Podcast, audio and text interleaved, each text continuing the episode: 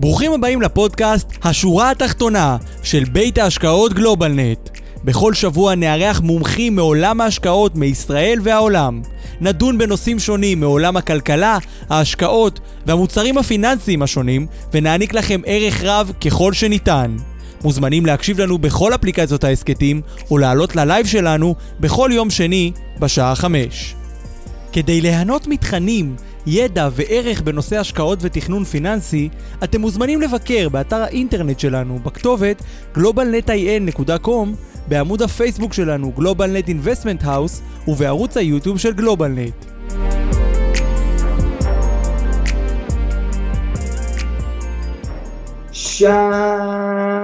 שלום לכולם וברוכים הבאים לפרק מספר 88 של השורה התחתונה, הנושאים הבוערים בעולם הפיננסי.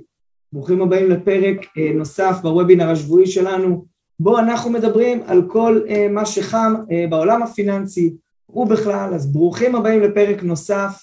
היום אוהד וייגמן, שכבר ככה עשה את הפתיח של הפתיח, הולך לדבר על עליית הריביות בשוק ואיזה השקעות מגנות עלינו או בעצם נהנות מעליית הריביות. מה שאנחנו רואים עכשיו שמתחיל, הוא התחיל עם בריטניה שהעלתה, הסנונית הראשונה שהעלתה ריבית וגורמת אה, לכולם לשאול מתי הריבית תעלה בארצות הברית, מתי הריבית תעלה באירופה, מתי הריבית תעלה בישראל, כי לרדת היא כבר לא יכולה.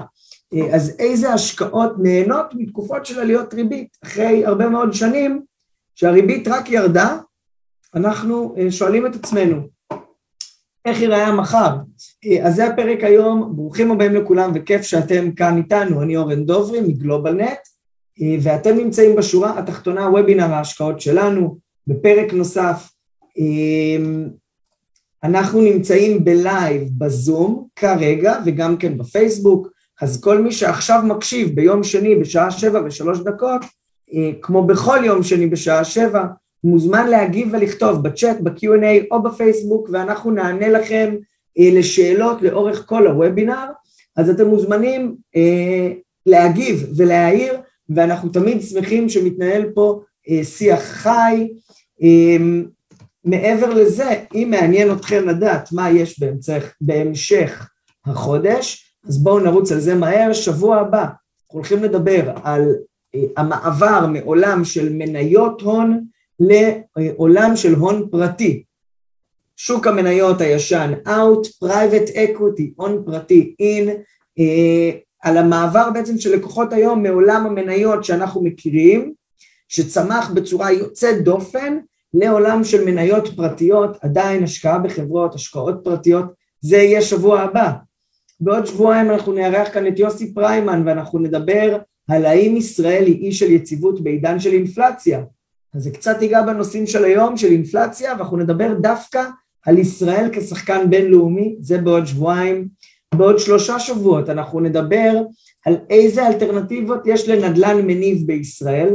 כולנו רצים לכיוון הנדל"ן המניב, אבל האם היום, אחרי עלייה מאוד משמעותית במחירי הנדל"ן, הקטנה של אה, התשואה מהשכירות, מהשכירויות, ובטח ובטח העלויות הגדולות שכרוכות ברכישת נדל"ן אה, בישראל, איזה אלטרנטיבות להשקעות מניבות יש לנו, ובסוף החודש אנחנו נערך כאן את דוקטור בועז ברק אה, לפרק על, אה, קוראים לפרק השקעות של מיליונרים, ואנחנו יכולים לדבר על מבני השקעה בשוויץ, איזה מבנה השקעה אנשים בעלי ממון נכנסים אליהם, אז זה יהיה מעניין מאוד, זה בסוף החודש, רגע לפני שנתחיל, חשוב לנו לציין ולהדגיש כי אין לראות בוובינר תחליף לייעוץ אה, או שיווק פנסיוני או שיווק השקעות או ייעוץ מס שמותאם לצרכים שלכם, אה, של כל לקוח ולקוח, אין לראות בוובינר כהמלצה או הזמנה לביצוע פעולה אה,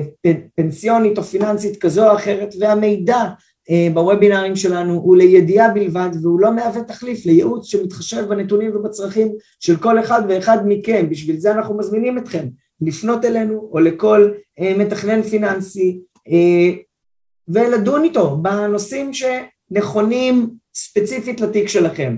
אז היום הוובינר, כמו כל וובינר, הוא לידיעה בלבד ואני מקווה מאוד שהתוכן שתשמעו פה יהיה מאוד מעניין.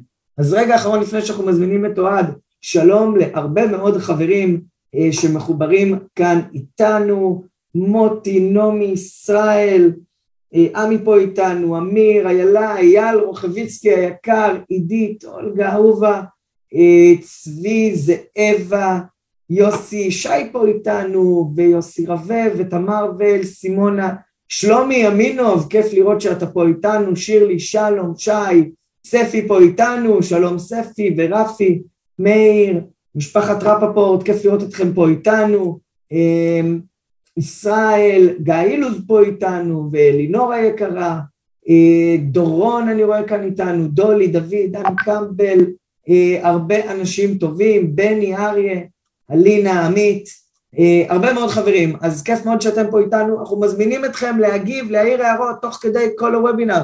שלום שגיא שכותב לנו אהלן, וכל מה שנשאר זה להזמין את אוהד. ערב טוב לך אוהד, בוא תעלה אלינו. רגע, אתה במיוט? ערב טוב, ערב טוב, עכשיו גם שומעים? עכשיו גם שומעים מצוין, מה נשמע? נהדר, בסדר גמור, מה איתך? בסדר גמור, uh, מתמודדים עם עוד גל של קורונה, איכשהו זה המוטיב החוזר כבר, uh, מקווים uh, ש... החמישי, החמישי, כן? שמתם לב. החמישי, אבל מי כבר סופר? Uh, גל חמישי, חיסון רביעי, uh, אבל וובינר 88. זה המספר הכי חשוב. כן. אז uh, היום, אוהד, אנחנו הולכים לדבר על השקעות באשראי. אנחנו הולכים לדבר כמובן על uh, איך אפשר להשקיע בעולם שנמצא uh, בצפי לעליית ריבית, אתה כבר אמרת, יש כבר כמה מדינות שכבר העלו ריבית uh, לפחות פעם אחת, אז uh, איך אפשר להשקיע ואיך אפשר להתמודד עם הסיכון הזה שנקרא עליית ריבית? צריך לומר שהוא דרמטי, הוא דרמטי ממש, אבל ככה על הדרך נסכם שנה, כן? אנחנו וובינר ראשון לשנת 2022, אז uh, על הדרך ככה נראה מה היה ב-2021, וכמובן תמיד פנינו קדימה, אנחנו תמיד מסתכלים עם פנינו קדימה ולאן זה הולך, ואיך אפשר באמת uh, לעשות uh, התאמות בתיק ההשקעות. אני אפתיע אותך, אני אפילו אדבר על ההתאמות שלדעתנו, לדעתי צריך לעשות בתיק המניות. אה, אגב עליית ריבית, אז, אה, אז אה, ככה נסקרן קצת, לא נדבר רק על החלק הסולידי, נדבר גם על החלק המנייתי, כדי לתת איזושהי ראייה כוללת לאיך נכון להתכונן למה שכנראה צפוי לנו ב-2022. אז בוא נתחיל אוהד, אני רק מזכיר לך למרות המצגת הנהדרת, יש לנו הרבה צופים באפליקציות ההסכתים שרק שומעים, אז אה, ננסה, תנסה להיות ורבלי ככל וניתן. אה, ננסה, אתה יודע, גם אה, בסוף אה, ננסה להתייחס גם לשקפים שאני אה, מראה ומה אני מראה, אז הכותרת שלנו היום כיצד להשקיע בתקופת עליית ריבית. אז נתחיל כמובן עם מה שראינו לפני אה, אה, העלייה האחרונה באנגליה, אבל פה אנחנו רואים את ישראל ואת ריבית הפד.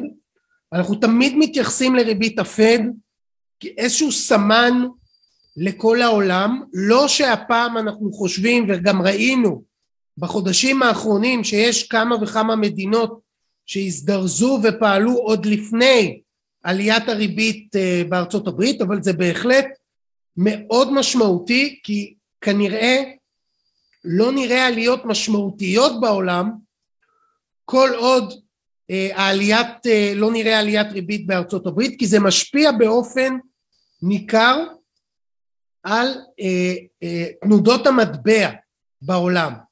ואף בנק מרכזי לא רוצה באמת לחזק באופן ניכר את המטבע אצלו כי זה מחליש את הייצוא.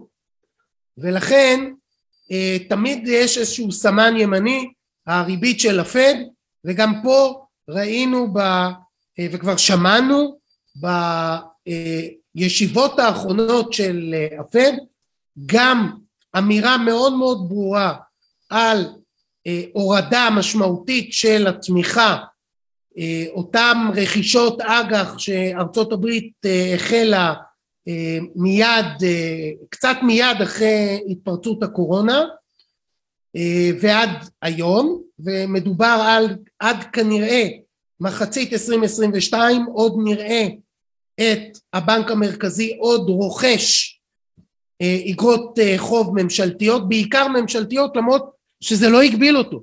אנחנו גם ראינו את הבנק המרכזי בארצות הברית רוכש מניות בפעם הראשונה אי פעם. הוא רכש מניות, רכש אג"ח קונצרני ובכמויות גדולות מאוד.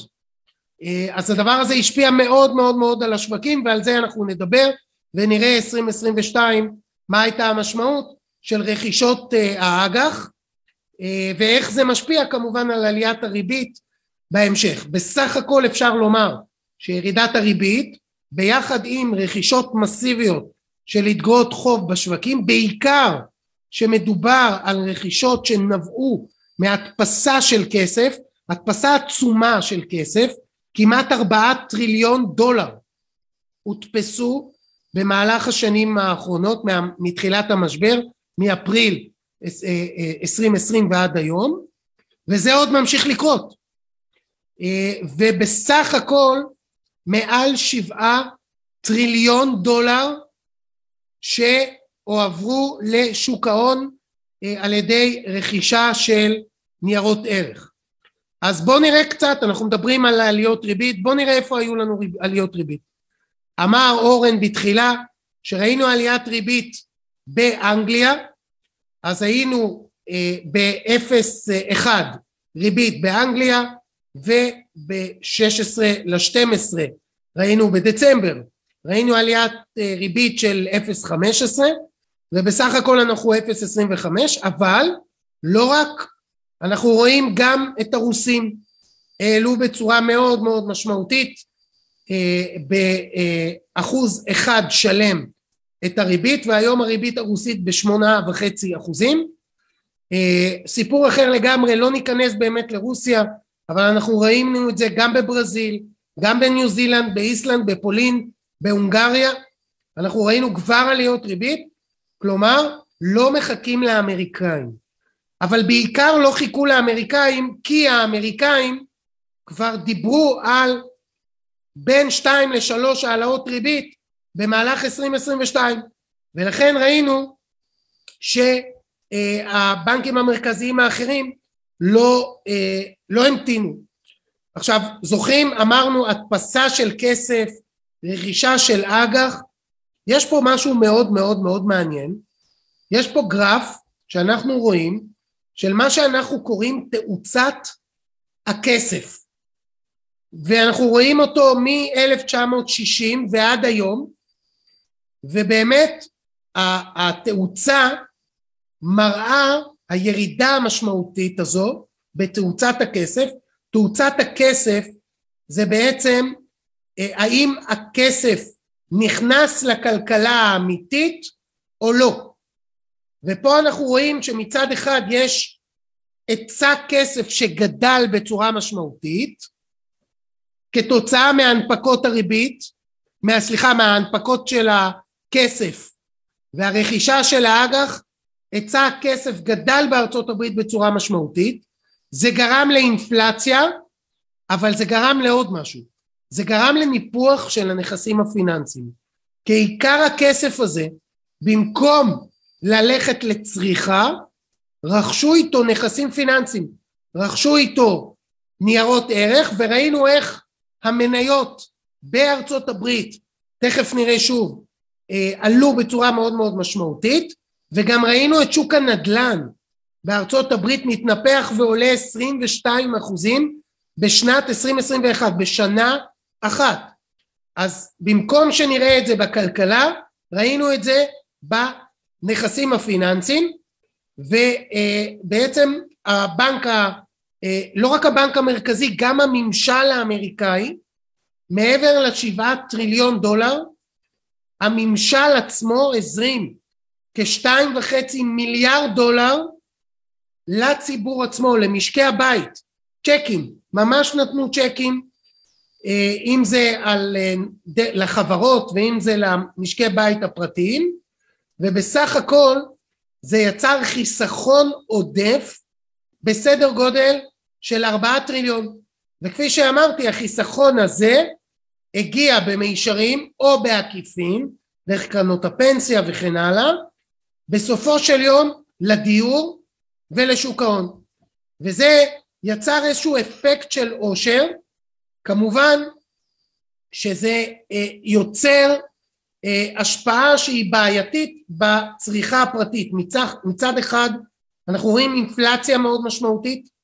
האינפלציה הזו מורידה את כוח הקנייה היא בעצם אה, פוגעת בצריכה הפרטית שזה הרכיב המשמעותי ביותר בתוצר בארצות הברית ואם אנחנו נראה המשך של פגיעה בתוצר אז זה גם יגיע גם לפגיעה ברווחיות.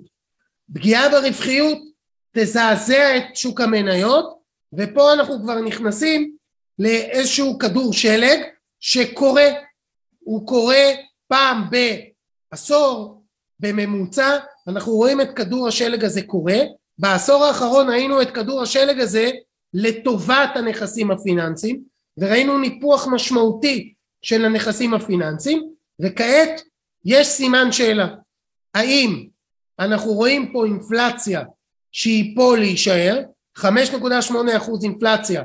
אז אנחנו אה, אה, סימן שאלה תכף נענה על זה וכמה פה תהיה פגיעה ברווחיות של החברות כתוצאה מהפגיעה בצריכה הפרטית. אז כמו, כפי שאמרנו לגבי עליות הריבית כרגע בשוק האג"ח האמריקאי השוק מתמחר שלוש העלאות ריבית במהלך 2022 זה לא בוודאות יקרה. זה מה שמתומחר כרגע בשוק אנחנו גם לא באמת יודעים כמה יהיו העלאות הריבית האלה 0.1, 0.25 כל העליית ריבית אנחנו לא באמת יודעים וזה אנחנו באמת אה, סימן שאלה כמובן עליות הריבית אה, גם מעלות את עלות המימון של החברות. עלות המימון של החברות מורידה את הרווחיות של החברות. אז זה גם הנושא של עליית האינפלציה, גם הנושא של עליית ריבית, אה, לפחות בטווח הקצר מייצר לחץ על הרווחיות של החברות ולא מן הנמנע שגם במהלך 2022 נראה תנודתיות ועצבנות הרבה יותר גדולה מ-2021.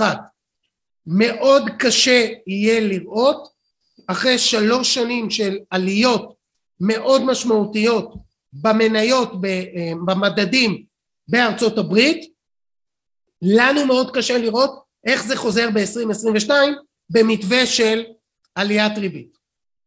אה, אבל תכף אנחנו נראה שהשוק לא מאמין שיהיו פה עליות משמעותיות ולאורך זמן ואת זה תכף אנחנו נראה. כרגע שוק האג"ח בישראל מגלם עליית ריבית אחת לא משמעותית מדי אבל אני מזכיר לכם שיש גם בישראל בעיה קשה של המטבע. המטבע התחזק מאוד מול כל המטבעות גם מול הדולר ולכן יהיה מאוד מאוד קשה לראות עליות ריבית שהן גבוהות מעליות הריבית בארצות הברית בניגוד למה שראינו באנגליה ובמדינות אחרות בישראל יש פה בעיה בגלל הנושא של השקל. אז בואו נראה כמה נתונים נוספים בארצות הברית בנושא האינפלציה. לגבי האינפלציה מה שאנחנו קוראים מדד המחירים לצרכן אנחנו רואים עלייה של 6.8 אחוז בעליית המחירים. באמת שנים לא ראינו אה, דבר כזה בארצות הברית כבר התרגלנו לאינפלציה אפסית בכל העולם והנה פתאום האינפלציה מעלה ראש אבל שימו לב האינפלציה או עליית מחירי המחירים ליצרן היא כמעט עשרה אחוזים. וזה נתון מאוד מאוד מאוד משמעותי שנצטרך, אנחנו עוקבים אחרי זה בצורה אה, שוטפת, חודש בחודשו, אה, והדבר הזה פוגע משמעותית ברווחיות גם של החברות. אה, כי אם לא מעלים את המחירים בהתאם לעליית המחירים ליצרנים, זה כמובן פוגע ברווחיות. כן צריך לומר ולראות שהאינפלציה הבסיסית, כשמנקים את עליית, ה, בעיקר את עליית האנרגיה, היא הרבה יותר נמוכה, פחות או יותר 4.9 אחוז, זה ה-core CPI, האינפלציה הפנימית, שהיא בניכוי עליית המזון והאנרגיה, שעיקר העלייה פה היא דווקא באנרגיה. אז כמובן עליית מחירי האנרגיה כפי שציינתי מגבירה את החשש לכלכלה, ראינו עלייה מאוד מאוד מאוד משמעותית באנרגיה, תכף נראה קצת נתונים בזה, אבל בהחלט אנחנו צופים המשך עליית אינפלציה, אולי לא בקצב שראינו בשנת 2021, כלומר 2022 צפויה להיות בקצב הרבה הרבה יותר נמוך, אבל אנחנו לא רואים ירידה לנורמל ב-2022, בהחלט יכול להיות שנראה גם ב-2022 אינפלציה של בין שלושה לארבעה אחוזים וזה מאוד מאוד מאוד אה, גבוה ביחס לממוצע הארוך הטווח. אה, אני לא ארחיב לגבי הנושא של היצרנים אבל יש הרבה מה להגיד, אה, אין לנו, אין לנו באמת יותר מדי זמן בהקשר הזה אבל בהחלט סיכון עליית ריבית הוא סיכון גם לשווקי המניות בגלל עליות המימון וגם צריך לומר הצורה שמעריכים שווי חברות.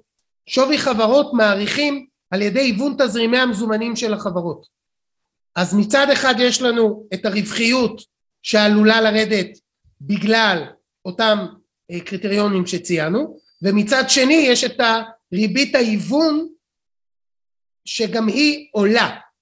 שני הדברים האלה בצד של אה, המכנה והמונה ישפיעו על, ה, על הצורה שבה מעריכים שווי של חברות וזה יכול לפגוע גם אם אה, אה, נקודתית בשוק המניות אה, ועדיין זה לא מספיק לקטסטרופה. כלומר בשביל שתהיה קטסטרופה בשוק ההון אנחנו נצטרך לראות עוד גורמים שעדיין לא רואים אותם אבל זה כך תמיד אנחנו לא יודעים ממה יבוא המשבר הבא. זה אף פעם לא ברור לנו. אבל אנחנו כן ברור לנו שפעם בעשר שנים אה, אה, יש ירידה קטסטרופלית באמת אירוע מכונן וקשה לדעת ממה הוא נובע. אני בספק אם זה רק הריבית. כנראה נראה עוד גורמים שלא רואים אותם כרגע. אז דיברתי על מחירי האנרגיה אחרי ירידה מאוד מאוד משמעותית במחירי האנרגיה במהלך ה-2020 בעקבות הירידה בצריכה, הקורונה, הסגרים, כל מה שחווינו ב-2020 אנחנו רואים עלייה מאוד מאוד משמעותית כמעט בחזרה למה שהיה לפני הקורונה וזה בהחלט חדשות בעייתיות בגזרת האינפלציה. זה מה שהראיתי השבעה טריליון שעלו. עכשיו זוכרים דיברתי על, על זה שהשוק לא מאמין שנראה ריביות גבוהות לטווח ארוך. אז אם תשימו לב, הכתום זה בעצם אגרות החוב הממשלתיות לתקופה של שנתיים. פה אנחנו רואים שהשוק בהחלט מתמחר עליות ריבית, אבל אם שימו לב לטווח של עשר שנים, הירוק, ולטווח של שלושים שנה, שימו לב שאנחנו רואים אקון יורד, זה אומר, ש, זה אומר שאחרי עלייה מסוימת אנחנו נראה התמתנות דווקא של הריבית, כלומר לא רואים לאורך זמן חזרה לריבית כפי שהייתה לפני 2008 וזה כן חדשות טובות לשוק ההון לאורך זמן. אבל זה מה שהאג"חים זה הסיפור שמדברים האג"חים עכשיו. כמובן שהדבר הזה יכול להשתנות באופן מאוד מאוד אלים כי שוק האג"ח היום התנודתיות שלו שוק האג"ח הממשלתי נמצא בתנודתיות שהיא מאוד מאוד מאוד דומה למניות. עכשיו הנה אני רואה פה גם הערות, משבר אמיתי היה ב-2008, עכשיו אנחנו 14 שנה אחרי משבר, נכון אבי אתה רק מחזק אותי, בהחלט אני דיברתי על הממוצע ארוך הטווח שפעם בעשור יש לנו משבר, הפעם אנחנו בהחלט הרבה מאוד שנים אחרי, אה, מה זה אומר? זה אומר שאף אחד לא יודע מתי יהיה המשבר הבא, אבל זה בהחלט מתחמם, בהחלט בהחלט בהחלט מתחמם. אז זה גם לגבי התגובות שלכם. שוב, ראינו 6.8 בארצות הברית, גוש היורו 4.9 אחוז אינפלציה, OECD זה לא רק גוש היורו, ישראל לדוגמה היא גם ב-OECD 5.2 אחוז, אבל שימו לב איך ישראל שומרת על אינפלציה שהיא עדיין בטווח התחזית, התחזית לאינפלציה של בנק ישראל היא בין אחוז לשלושה אחוזים, שתיים וחצי זה עוד בתחזית, לדעתנו אנחנו עוד נראה את האינפלציה עולה עוד לכיוון התחזית של בנק ישראל אבל לא הרבה מעבר. כי לדעתנו מחירי האנרגיה והמזון דווקא ב-2022 נראה רגיעה במה שאנחנו קוראים האינפלציה החיצונית מחירי האנרגיה והמזון. אלה משפיעים על כל העולם. זה אומר האינפלציה הפנימית זה הצריכה הפנימית והאינפלציה החיצונית זה האנרגיה והמזון הפנימי היא כל מדינה בפני עצמה והחיצונית זה מה שמשפיע על כולנו. אז אה, זה מאוד מאוד חשוב ואפשר לראות את זה גם באירופה. Core inflation 2.6 אינפלציה אה, אה, מלאה 4.9 כל הזמן חשוב להסתכל על הצריכה ועל סך, ה, סך האינפלציה. ככל שהצריכה יותר משמעותית זה אומר שהאינפלציה היא פה להישאר לאורך זמן. ככל שזה יותר מטעמים חיצוניים אז נהוג לומר שהיא זמנית. ועדיין כשמסתכלים לגבי 22 ואילך אנחנו כנראה באינפלציה יותר גבוהה ממה שראינו בעשור האחרון בשנים הקרובות. גם אם זה לא יהיה מה שראינו בשנה האחרונה זה עדיין יהיה כנראה יותר קרוב לשתיים וחצי שלוש שלוש וחצי מאשר מה שראינו בעשור האחרון. אז הנה תראו דווקא למרות שישראל היא מתחת לתחזית, שתיים וחצי זה מתחת לשלוש, מתחת למקסימום שבנק ישראל הציב לו כיעד, וזה מאוד חריג ביחס לעולם. ישראל, שווייץ, סין, יפן, אנחנו בגזרה הזו, דווקא באינפלציה הפנימית אנחנו מהגבוהים בעולם, מה שנקרא core inflation. אז זה מאוד חשוב לנו, אה, וזה אמרתי כבר, לא נחזור.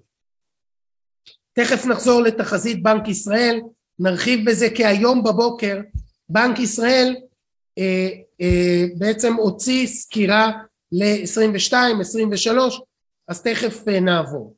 מה שכן גורם לנו להאמין שהאינפלציה פה להישאר גם אם לא, גם אם עדיין באותו יעד, עדיין בחלק הגבוה של היעד זה הפקדונות של הציבור ועלייה של תיק הנכסים בציבור, הדבר הזה יוצר תחושת עושר. את תחושת העושר ראינו כמו בארצות הברית, גם בישראל, בעיקר ב-21, בכניסה מסיבית של הציבור למניות בבורסה בישראל. תכף נראה באמת אה, איך זה השפיע ישראל ביחס למקומות אחרים ב-2021, אבל אין ספק שכמות הפקדונות והנכסים בידי הציבור גורמים לציבור להגדיל סיכון באופן משמעותי. תוסיפו את זה שהתרומה של האג"ח בכל העולם הייתה או אפסית או שלילית, בישראל היא הייתה אפסית, אבל בחו"ל היא הייתה שלילית, חזקה, תכף נראה נתונים, זה גרם בכל העולם ליציאה מסיבית מאג"ח ורכישה קודם כל של מניות ואחר כך גם נכסים ריאליים. בכל הוובינרים האחרונים דיברתי על נדל"ן. גם ציינתי במהלך אה, ההרצאה עכשיו שבארצות הברית היינו עליית מחירי דיור ב-22 אחוזים, באנגליה כמעט 15 אחוזים, בישראל כמעט 11 אחוזים. כלומר השוק, הציבור מצביע ברגליים, הוא יוצא מהפקדונות, הוא מעביר למסלולים מנייתיים וקונה נדל"ן. זה מה שקרה ב-2021 בכל העולם ובקצב אדיר. אז אם אנחנו מדברים על התחזיות מהיום בבוקר של בנק ישראל, אז לגבי האינפלציה, בנק ישראל חוזה בניגוד לשוק ההון, שוק ההון בעצם זה הפער בין האג"ח השקלי לצמוד. שוק ההון מדבר שנה קדימה על שתיים וחצי אחוז. חטיבת המחקר של בנק ישראל מדברים על 1.6, ממוצע החזאים הפרטיים 1.7, בדומה לחטיבת המחקר. זה אומר מי מכם שעדיין חייב להיות באג"ח, אין לו ברירה וחייב להיות, מחוסר ברירה כזה או אחר, וחווה עליות משמעותיות באג"ח הצמוד ביחס לאג"ח השקלי שחווה הפסדים משמעותיים, דווקא עכשיו ב-2022 צופים מהפך, שהאג"ח השקלי יהיה יותר אטרקטיבי מהאג"ח הצמוד. שוב, שניהם לא נתנו יותר מדי, בישראל אפסי בממוצע, בחו"ל שלילי מאוד, אבל לפחות בין הצמוד לשקלי צופים שהשקלי יהיה יותר משמעותי מהצמוד. עוד נתונים של בנק ישראל מהיום בבוקר. אחד, התוצר צפוי לצמוח בקצב של 5.5, דרך אגב אה, בנק ישראל צופה ש-2021 תסתיים בשש וחצי. זה אומר שאנחנו רואים ירידה קלה בצ... בצמיחה משש וחצי לחמש וחצי וב-2022 לחמישה אחוזים. אמ, אני חייב לציין שאנחנו פחות אופטימיים מבנק ישראל, אנחנו רואים קצב שהוא קצת יותר נמוך אה, באזור ארבע וחצי חמש אבל אה, אתם יודעים תחזיות זה רק תחזיות אה, כן אפשר לומר ששיעור האבטלה ממשיך לרדת בצורה מאוד מאוד משמעותית ובנק ישראל צופה שבסוף 23 הוא יגיע ל-4.4 זה מאוד מאוד מאוד אופטימי. אני לא בטוח שנגיע לשם לדעתי נהיה באזור החמישה אחוזים אבל זה לא רחוק וזה בהחלט מאוד מאוד מעודד בהקשר הזה וזה מעודד בסופו של דבר זה מעודד את, ה, את הצריכה וזה מאוד מאוד חשוב.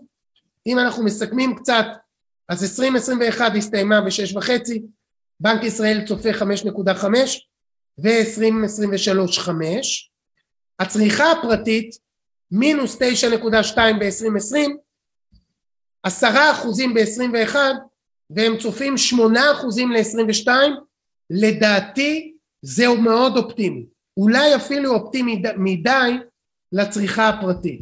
גם קשה לי לראות שהצריכה הפרטית תהיה שמונה אחוזים והאינפלציה 1.6 אחוז זה קצת אה, לטעמי סותר אבל בנק ישראל אופטימי. אז, אה, אז כאמור אה, אלה נתונים שהוא פרסם היום בבוקר. חשוב לי למסור אותם אה, כפי שהם כפי שהם. עדיין סטיית התוצר מהמשבר ועד היום עדיין שלילית.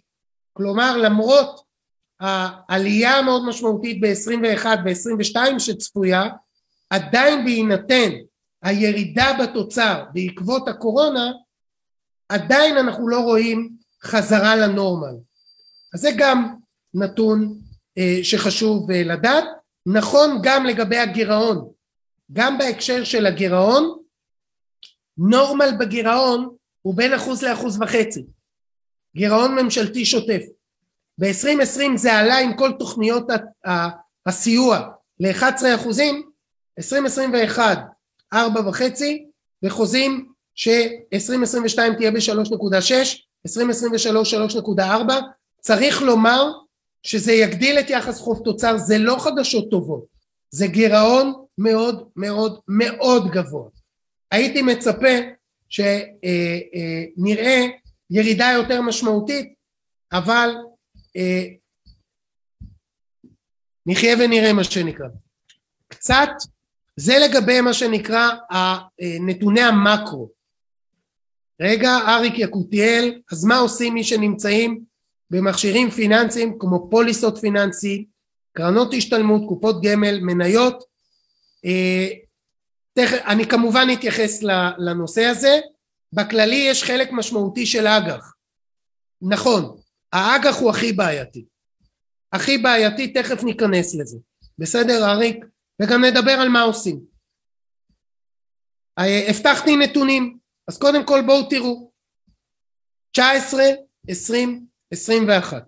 ארצות הברית אין ספק שלוש שנים חלומיות 19 27 אחוזים 2020 למרות הקורונה 16 אחוזים בעיקר בגלל הטכנולוגיה אם אתם זוכרים ו-2021 27 אחוזים חברים שלוש שנים חלומיות למשקיעים האמריקאים ומי שהשקיע בארצות הברית בישראל קצת פחות, כי אמנם ב-20, ב-19 שנה מעולה, פחות מארצות הברית, אבל ב-2020 הייתה ירידה, תלוי באיזה מדד מסתכלים.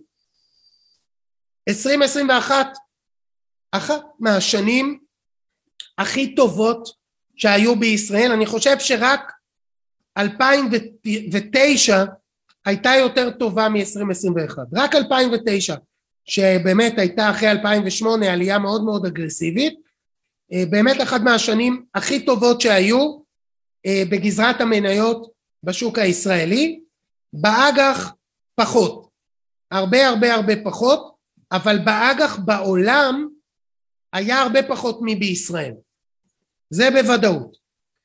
חבל שלא ראינו את זה דרך אגב בקופות הגמל, כי בקופות הגמל ראינו הרבה פחות, תכף תראו את קופות הגמל והפנסיה שלנו, ראינו תרומה הרבה יותר נמוכה ממה שאנחנו רואים במדדים. כלומר, אה, המדדים ניצחו את התרומה בקופות הגמל והפנסיה.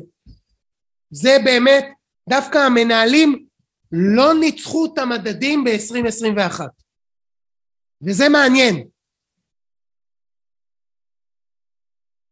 אז למרות שהמסלול המנייתי השיג 22 אחוז אז uh, שימו לב הם לא ניצחו את המדד uh, בישראל כי המדד בישראל היה מעל 30 אחוז והמסלול המנייתי השיג 22 כי זה איזשהו שימו לב uh, עוד פעם אני חוזר זה בין למרות שבארצות הברית זה 27 ובישראל 30 במסלולים הנייתים בקופות גמל זה היה רק רק 22 אה, אחוז, גם במסלולים הכלליים בהחלט תשואה אה, שנתית ממוצעת של 14 אחוזים, אבל ביחס למדדים בבורסה זה פחות, זה אחד, ושתיים, יש פער עצום בין התרומה של האג"ח לתרומה של המניות, ותכף נראה גם את, ה, את הנושא הזה. אז זה בסך הכל מסלולים כלליים 14, מנייתיים, זה השוק כולו, חברים, זה כל השוק. מנייתי 22, מדדי 6.7, במדדי יש המון המון המון המון קונצרני, השקלי כמעט ולא תרם כלום. שימו לב לשקלי, מה זה אומר לא תרם כלום? אחד, זה לפני דמי ניהול. שתיים, האינפלציה הייתה שתיים וחצי אחוזים. זה אומר שמי שהיה במסלולים שקליים הפסיד המון. תלוי איפה הוא היה. עכשיו הנה תראו את השוק. זה כמובן לא כולל, זה כולל נובמבר, לא כולל דצמבר, אז uh, תסלחו לי לגבי הדירוגים. דבר אחד חשוב מאוד להבין, כשיש לי שנה שהיא חריגה מאוד מאוד מאוד ביחס לממוצע ארוך הטווח, שימו לב, 23% זה הממוצע של כל השוק, בעוד שהממוצע ארוך הטווח הוא בין עשרה לחמש, בין עשרה לאחת עשרה אחוזים, זה אומר שלאורך זמן מתכנסים לממוצע. אל תצפו שהמסלולים המנייתיים ב-2022 יחזרו על אותו דבר ב-2021 ולהפך, להפך, בהחלט זה כנראה לא יקרה. תמיד יש מיצוע, אנחנו רק לא יודעים מתי. אין לי מושג אם חודש הבא, עוד חצי שנה, עוד שנה, אולי אפילו נטעה וזה יהיה ב-2023, אבל לא נחזור על, על שנה כזו בקרוב. אותו דבר גם במסלולים הכלליים. הממוצע ארוך הטווח הוא בין שש וחצי לשבע. תלוי. השנה כמעט 14 אחוזים בממוצע. כמובן שאתם יכולים לחפש את עצמכם פה ולראות איפה אתם נמצאים. כי אם הממוצע 14, יש כאלה שהיו מעל 14 ויש כאלה שהיו מתחת ל-14. עכשיו תכף נדבר דווקא על אחת מה, מהבתי ההשקעות שעשו הכי הרבה ונראה איך התרומה של האג"ח בתיקים שלהם, סתם כדוגמה. עכשיו לגבי המניות. אמרתי אני אתן לכם טיפים מה לעשות, במה להשקיע, אם רוצים להשקיע במניות, באיזה סקטורים נכון להשקיע. אני אישית חושב שתמיד נכון להשקיע במניות. אני גם תמיד אומר, ואני אומר את זה בכל וובינר, שההשקעה הסקטוריאלית היא הדרך הנכונה, השקעה סקטוריאלית זה אומר over ו under על סקטורים. סקטורים שבירידת ריבית היו מאוד מאוד טובים, טסו כלפי מעלה ונתנו לנו תשואה מאוד מאוד אה, גבוהה. אם כעת אנחנו מאמינים שאנחנו נכנסים, זה לא מובן מאליו, כן? אבל אם אנחנו מאמינים שאנחנו נכנסים לתקופה שבה נראה עליות ריבית, אז כדאי להשקיע יותר בסקטורים שבהם יש אה, אה, נהנים מעליית ריבית, כמו סקטור הבנקאות, שתכף נדבר עליו. בעוד שלהקטין מסקטורים שסובלים מעליית ריבית. ושוב, כמו שאמרתי מקודם, אני לא בעד יציאה לגמרי, לא משוק המניות ולא מהסקטורים באופן כללי, אלא לשחק באובר ואנדר ברמת הסקטורים. אם אני חושב שזו תקופה לא טובה לנדל"ן יזמי, אז אני אוריד נדל"ן יזמי בתיקים ואני אעלה לדוגמה בבנקאות. אז בואו נעבור על כמה סקטורים כדי שזה יהיה מספיק אה, ברור. אני כל הזמן פוגע בזה. יופי. סקטור הבנקאות נהנה מאוד מעליית ריבית. גם כי יש להם נכסים שצמודים למדד ובגללו יש גם עליות ריבית והם אוהבים את המדד וגם בגלל שהבנקים שה, יודעים בעליית ריבית להגדיל את מר, מרווח האשראי. מרווח האשראי מאפשר להם להרוויח יותר. וזה נכון דרך אגב גם לקרנות שמשקיעות באשראי אמר אורן מקודם במה להשקיע? אז להשקיע באשראי פרטי זה במקום הסולידי, להשקיע במניות בבנקים זה במקום מניות של אה, נדל"ן יזמי, אבל אפשר להשקיע בנדל"ן מניב. זה גם בניגוד לנדל"ן יזמי שהוא מאוד מאוד ממונף, להשקיע בנדל"ן מניב שהוא פחות ממונף. טכנולוגיה זה תלוי מה, כי ראינו שהטכנולוגיה רצה מאוד. אנרגיה, עלה מאוד, פחות מומלץ שנה קדימה, תעשייה, תלוי מה. יש תתי ענפים מאוד ממונפים ולכן משם הייתי אה, אה, ממליץ להימנע ויש תתי ענפים שפחות ממונפים ושם זה בסדר, הפיק הוא פחות במניות הוא יותר בסקטורים. עכשיו כפי שאמרתי, המניות המריאו, אבל האג"ח צנחו. כשמסתכלים על האג"ח ברמה הגלובלית, זו הייתה אחת מהשנים הגרועות ביותר אי פעם. ואם אנחנו מסתכלים שנים קדימה, המצב כנראה יהיה גרוע יותר, כי מה שבאמת מפסיד מעליית ריבית זה אג"ח. אז כבר ב-21 אתם הרגשתם את זה, גם אם לא חשבתם שהרגשתם את זה, וזה קיים בכל התחזיות גם כלפי אה, השנים הקרובות, ואם אנחנו נכנסים ומבינים ששוק האג"ח הוא מסוכן, אז המסקנה היא למכור את כל האג"ח עד כמה, אני לא, כל האג"ח, אי אפשר את כל האג"ח, אבל כמה שניתן, כמה שאתם יכולים. שימו לב שהשקלי עוד ב-2021 בישראל הסב לכם הפסדים מאוד מאוד משמעותיים שקוזזו במעט מהצמוד. אבל בסך הכל אנחנו במשחק סכום אפס.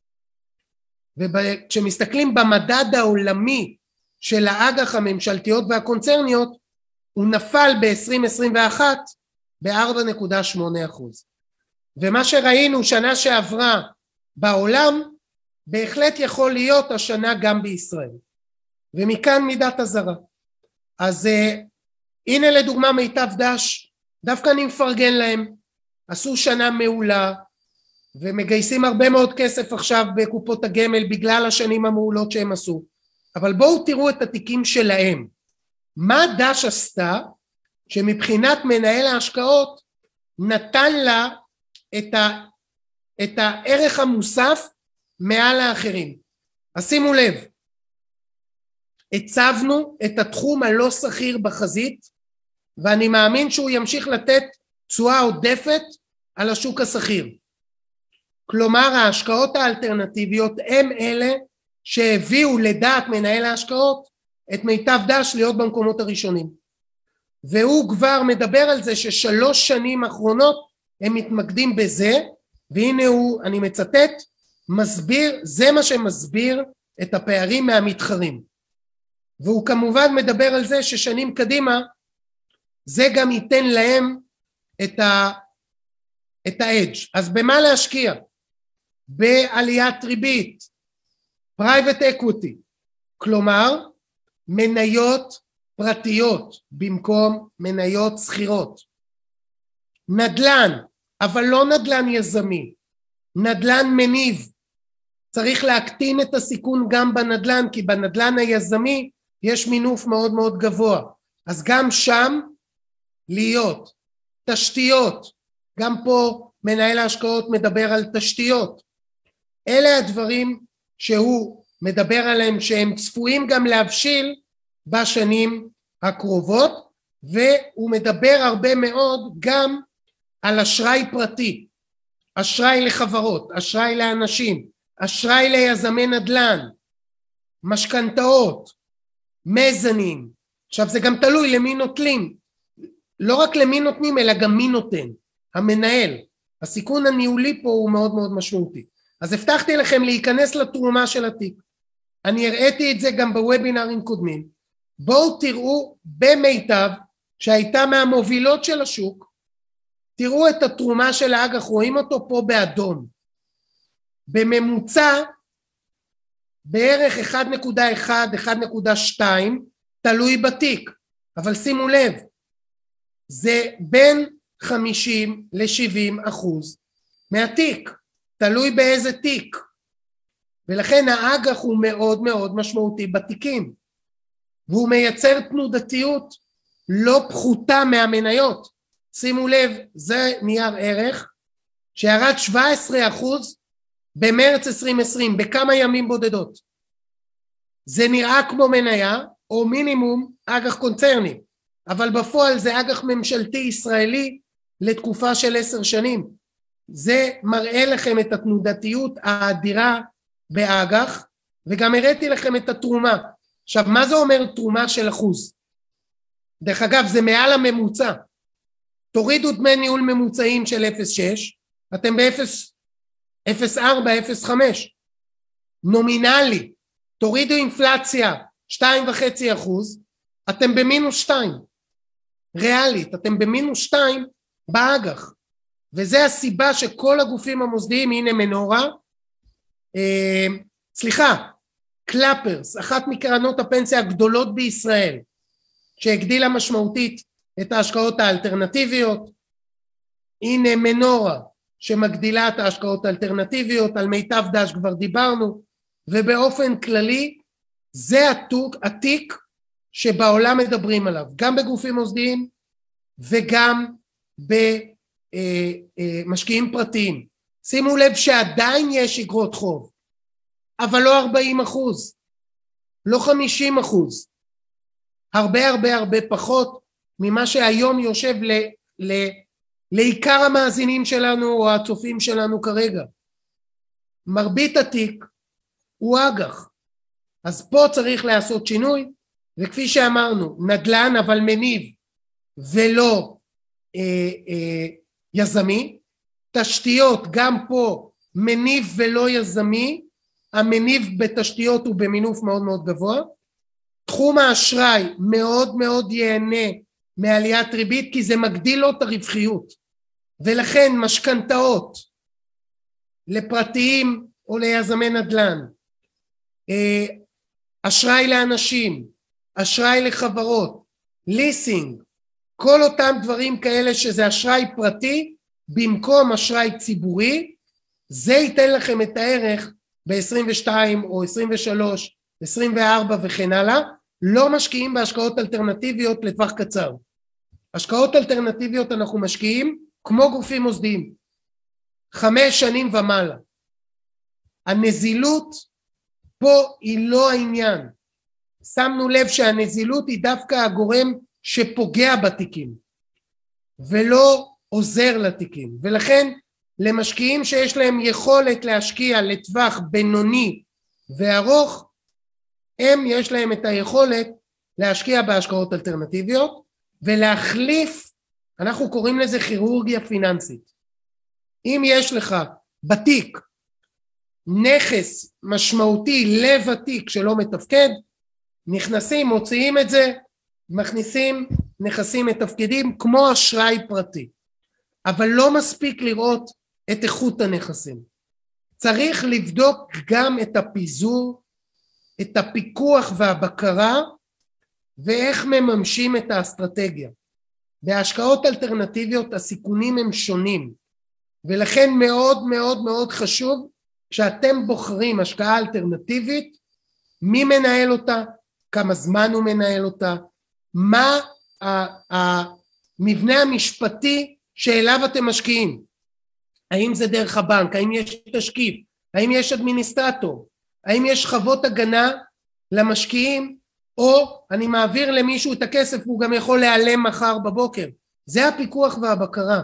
זה מאוד מאוד חשוב וכמו שאמרתי גם הנושא של הפיזור כמו בכל תחום הפיזור זה הדבר הכי הכי הכי חשוב אבל אני חייב להגיד לכם אני יושב עם לא מעט משקיעים אין לי יום שאני לא יושב לפחות עם משקיע אחד ומשקיעים גדולים עם תיקים גדולים אני חייב להגיד לכם 99 אחוז הפיזור הוא רע מאוד. למרות שכולם יודעים שהפיזור הוא הדבר הכי חשוב, לא עושים את זה בפועל. לפעמים נדמה שעושים את זה, אבל כשמסתכלים על התיק, על כל התיק, כולל הנדל"ן, כולל תיקי השקעות בבנק, כולל הפנסיוני וקופות הגמל וההשתלמות, כולל הכל, אז פתאום אנחנו רואים שהתיק הוא לא באמת מפוזר. וכמו שאמרתי, אין יותר חשוב מפיזור בעיקר בעולם האלטרנטיבי. למה? כי הסיכון הניהולי הוא הגבוה ביותר. לאו דווקא הסיכון בנכס הבסיס. הסיכון הניהולי הוא הדבר החשוב ביותר. ולכן לפזר, יש לנו תעודות שמפזרות לשלוש, ארבע, חמש קרנות, הפיזור הוא החשוב ביותר, אבל גם הבחינה. אנחנו כל קרן וקרן שהחלטנו להציע לציבור, אנחנו משקיעים חודשים בדיו דיליג'נס, בבדיקות נאותות. אנחנו קודם כל בודקים את המנהלים, זה לוקח חודשים לבדוק את המנהלים, וכמובן גם את נכסי הבסיס, את ההנחות שלהם. אנחנו, האמת, פוסלים מעל 95 אחוז מהקרנות או מהגופים מהעולם שמגיעים ומבקשים שנציג לציבור שלנו את ההשקעות שלהם. אנחנו 90, מעל 95 אחוז פוסלים וזה מאוד מאוד מאוד מהותי וחשוב אנחנו כל הזמן מגדילים את הצוות שלנו בראש הצוות שלנו יש לנו אה, אה, בחור בשם שי זסלר שהוא אנליסט עשרים שנה אה, בתחום הזה של השקעות אלטרנטיביות יש לנו ועדת מוצרים שיש בה את דוקטור בועז ברק ודני דוברי ואת אה, אה, אה, אה, אה, סליחה את אה, הרכש החדש שלנו כמובן שהגיע אלינו טדי לין, טדי לין. כמובן טדי לין אני כבר עייף.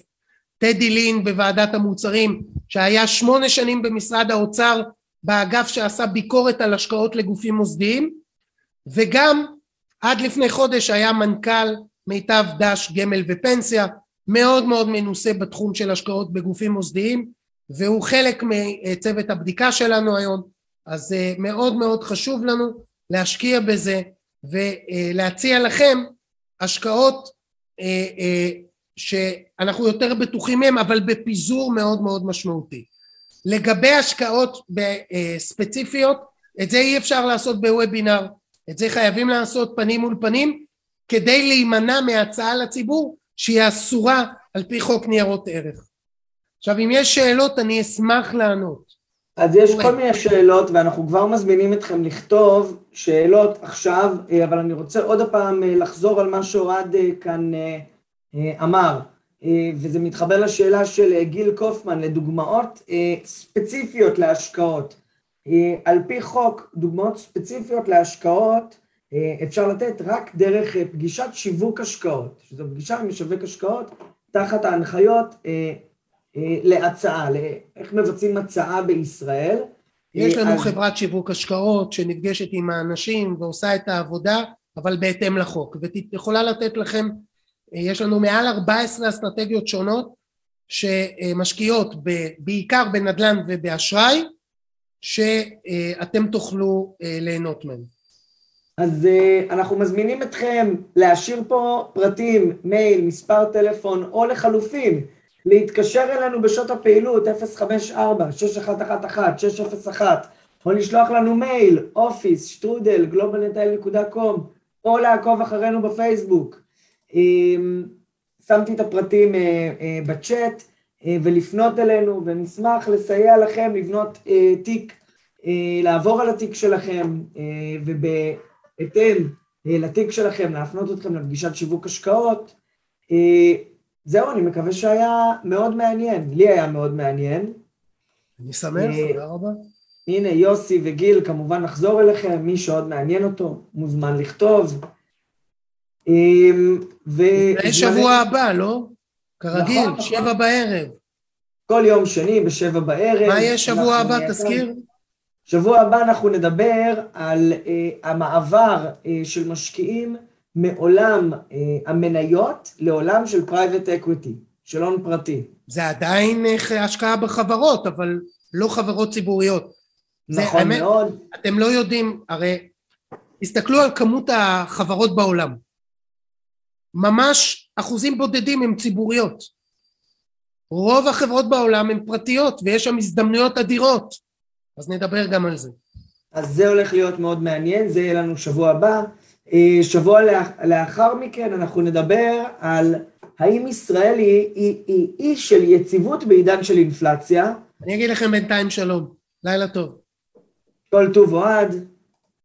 אמ, אז חברים, אנחנו נשמח אה, שתפנו אלינו, אנחנו פה זמינים בשבילכם, ואנחנו כאן בכל יום שני בשעה שבע בערב בשורה התחתונה, אז תודה רבה לכל מי שהשתתף. שמנו בצ'אט את המספר טלפון והמייל שלנו, והאתר אינטרנט, אה, העמוד פייסבוק של גלובלנט, אז אתם מוזמנים לעקוב אחרינו. אה, אני רואה שגיא ביקש את ההקלטה, ההקלטה היא בעמוד הפייסבוק שלנו. אפשר כבר עכשיו להיכנס לעמוד הפייסבוק ולצפות בהקלטה.